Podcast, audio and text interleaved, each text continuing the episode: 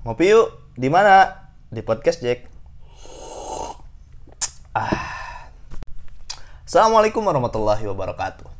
Halo semuanya, selamat pagi, selamat siang, selamat sore, selamat malam para pendengar podcast. Perkenalkan nama saya Muhammad Haikal Zaki, saya tinggal dari Garut. Eh, di sini di podcast ini saya ingin berbagi satu hal, berbagi dua hal. Ya. Sebelum itu kepada semua pendengar semoga kita tetap disehatkan dan juga semuanya tetap menjaga kesehatannya masing-masing, tetap jaga protokol kesehatan dan juga jangan lupa bahagia ya. Ya di sini saya seperti saya bilang tadi saya akan berbagi dua hal. Yang pertama tentang express your mind dan kedua tentang perspektif belajar terhadap pelajaran matematika. Ya. Sebelum itu saya ingin menegaskan kepada para pendengar semua bahwa semua yang saya bicarakan adalah pure pendapat saya. Ini uh, pendapat saya ya.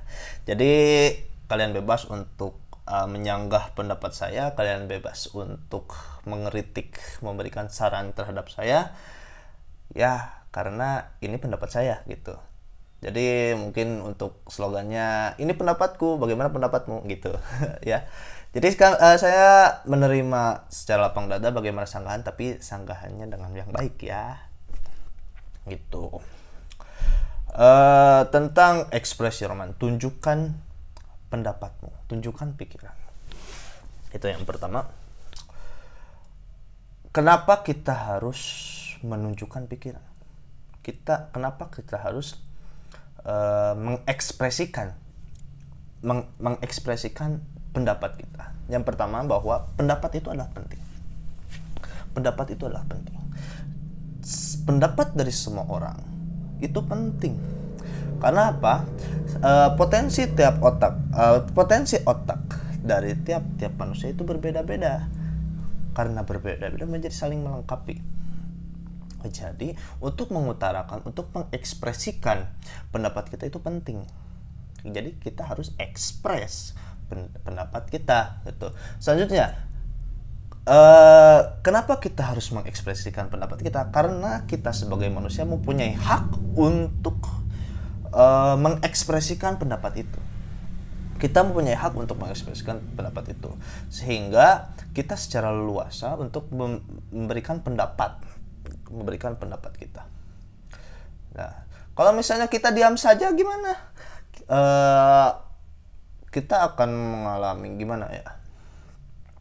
Jadi ada sesuatu yang janggal gitu. Ada sesuatu yang mengganjal bukan janggal, yang mengganjal di pikiran kita eh, karena kita tidak mengutarakan pendapat kita gitu. Nah, itu jadi untuk ekspres main itu penting gitu, penting. Terus apa pentingnya?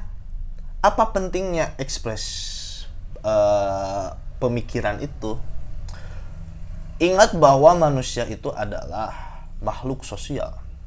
Manusia itu adalah makhluk sosial.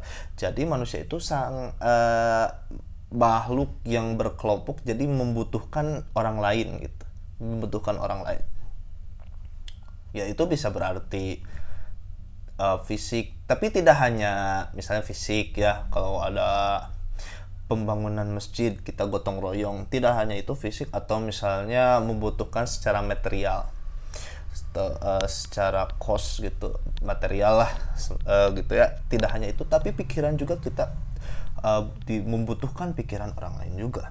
Gitu. Dalam menyikapi suatu masalah besar uh, khususnya masalah besar itu tidak menurut saya tidak cukup hanya untuk satu kepala gitu. E, dibutuhkan kepala yang lain gitu atau pendapat yang lain gitu.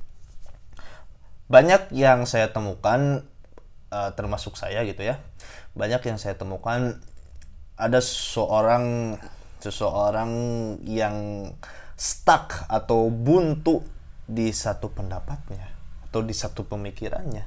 Ternyata jawabannya ada di pikiran orang lain gitu dan juga ada yang eh, dia berpikir termasuk saya saya sendiri pernah mengalami gitu. Eh, pendapat saya itu apa yang harus saya kerjakan? Apa yang harus uh, saya pecahkan? Misalnya di dalam suatu masalah atau di suatu persoalan apa yang harus saya pecahkan? Saya berpikir sendiri sehingga stres gitu. Namun ternyata jawabannya ada di jawaban orang lain. Jawabannya ada di pendapat orang lain. Itu itu banyak. Maka dari itu itu penting untuk uh, mengutarakan pendapat kita. Gitu. Uh, jangan takut bahwa pendapat kita itu takut salah misalnya. Gitu ya. Uh, saya uh, takut nih takut uh, mengutarakan pendapat saya karena takut salah misalnya. Jangan takut salah. Gitu. jangan takut salah. Karena apa? Karena sekali lagi untuk mengutarakan pendapat itu tidak hanya satu orang. Pasti banyak orang dan banyak kalau misalnya salah ada yang ingin ada yang membenarkan gitu. ada yang membenarkan. Nah terus bagaimana cara kita untuk mengutarakan pendapat kita? Yang pertama don't be afraid jangan takut. Seperti saya bilang tadi jangan takut. Jangan takut untuk mengutarakan pendapat. Jangan takut.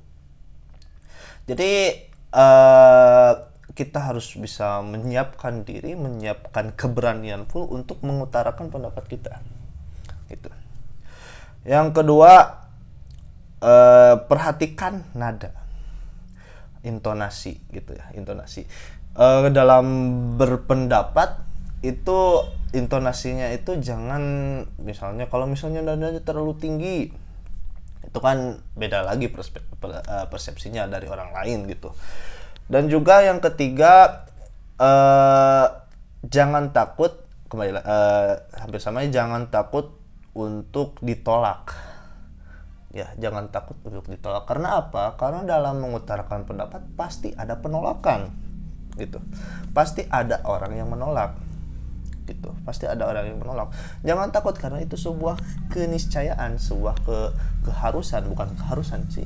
Kebiasaannya juga seperti itu. Kebanyakan kan penolakan jadi jangan takut gitu. Dan terus berlatih terus berlatih gitu. Apalagi uh, kalau misalnya ini pendengar semua uh, kalau misalnya ada pendengar dari kalangan mahasiswa atau kalangan pelajar ya itu harus dilatih dalam mengutarakan pendapat. Itu adalah uh, pendapat saya terhadap kenapa kita harus ekspres pendapat kita harus mengutarakan pendapat kita. Nah itu uh, silakan kalau misalnya ada yang menyanggah ya tulis saja di komen di bawah ya. Se uh, selanjutnya bagaimana perspektif pelajar terhadap matematika? Ini nih ini lumayan menarik menurut saya ya. Ya perspektif pelajar terhadap pelajaran matematika. Namun mohon maaf apabila uh, sekali uh, sekali lagi ya kalau saya itu hanya ini eh, ini adalah pendapat saya, pure pendapat saya. Jadi mungkin pendapat saya ini tidak bisa mewakilkan seluruh pelajar se-Indonesia atau sedunia bagaimana perspektif mereka terhadap matematika gitu. Tapi ini hanya pendapat saya sebagai seorang pelajar dalam pelajaran matematika. Yang pertama, matematika itu sulit. Iya, jangan disalahkan. Matematika itu sulit. Tapi ada tapinya. Matematika itu menyenang eh menantang. Ini menurut saya menantang.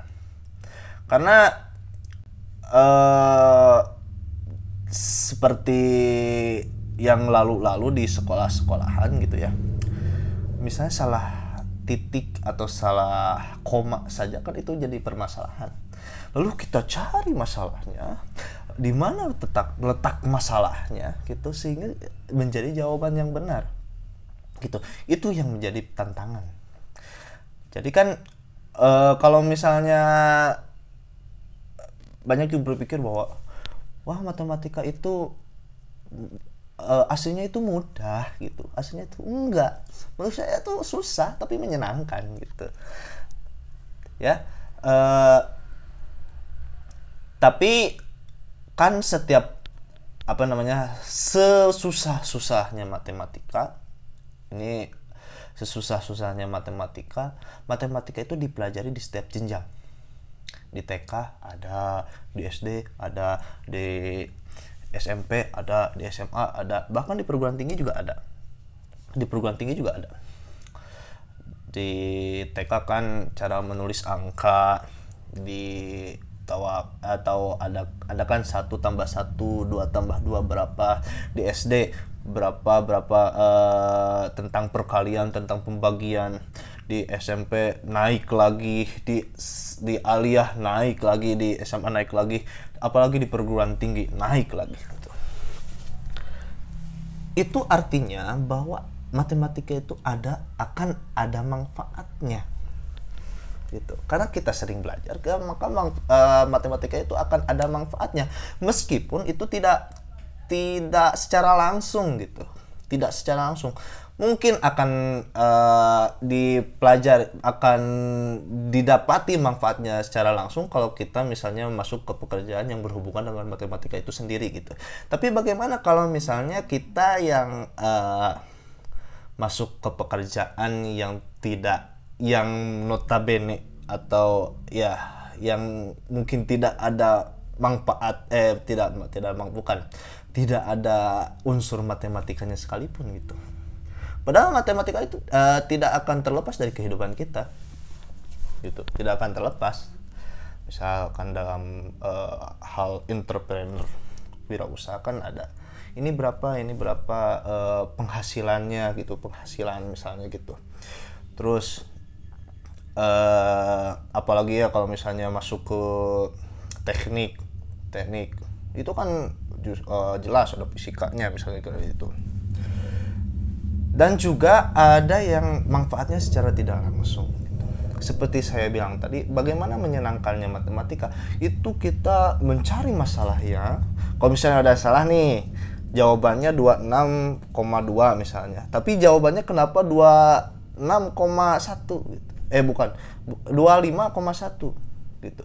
Kita cari masalahnya dari awal sehingga kita setelah menemukan masalahnya kita rubah masalah itu, kita cari solusinya sehingga mendapatkan jawaban yang benar gitu. Ketika kita melakukan hal itu beberapa kali di sekolah, kita kita terlatih dalam menghadapi masalah, dalam menghadapi persoalan untuk uh, mencari masalahnya. Gitu. Jadi ada sifat gimana ya? Ada keri, eh, terlatih kritis gitu. Terlatih terlatih kritis terlatih berpikir secara cepat gitu ya. Itu udah matematika. Itu meskipun matematika itu sulit gitu. Kalau dimudah-mudah itu sulah eh susah. Kalau dimudah-mudahkan gitu. Meskipun ada ada lagunya kan. Ya. tapi uh, saya dengar di lagunya yang matematika itu kan tidak ada kata memudahkan. Tapi matematika ilmu yang menyenangkan. Nggak nggak ada kata mudah. Tapi takut salah sih. Nggak ada kata mudah tapi menyenangkan bahagia gitu. Sehingga ada perspektif di otak kita bahwa matematika itu menyenangkan gitu. Tapi bukan mudah. Meskipun nah oleh karena itu kan meskipun kita perspektif bahwa matematika itu sulit matematika itu uh, gimana? Gitu. Tapi kan tetap kita harus mempelajarinya. Jadi kita harus tetap sabar mempelajarinya dan kita harus sabar lah gitu. Mungkin itu jadi pesan kenapa kita uh, manfaat pelajaran matematika karena kita bisa sabar. Kita bisa sabar.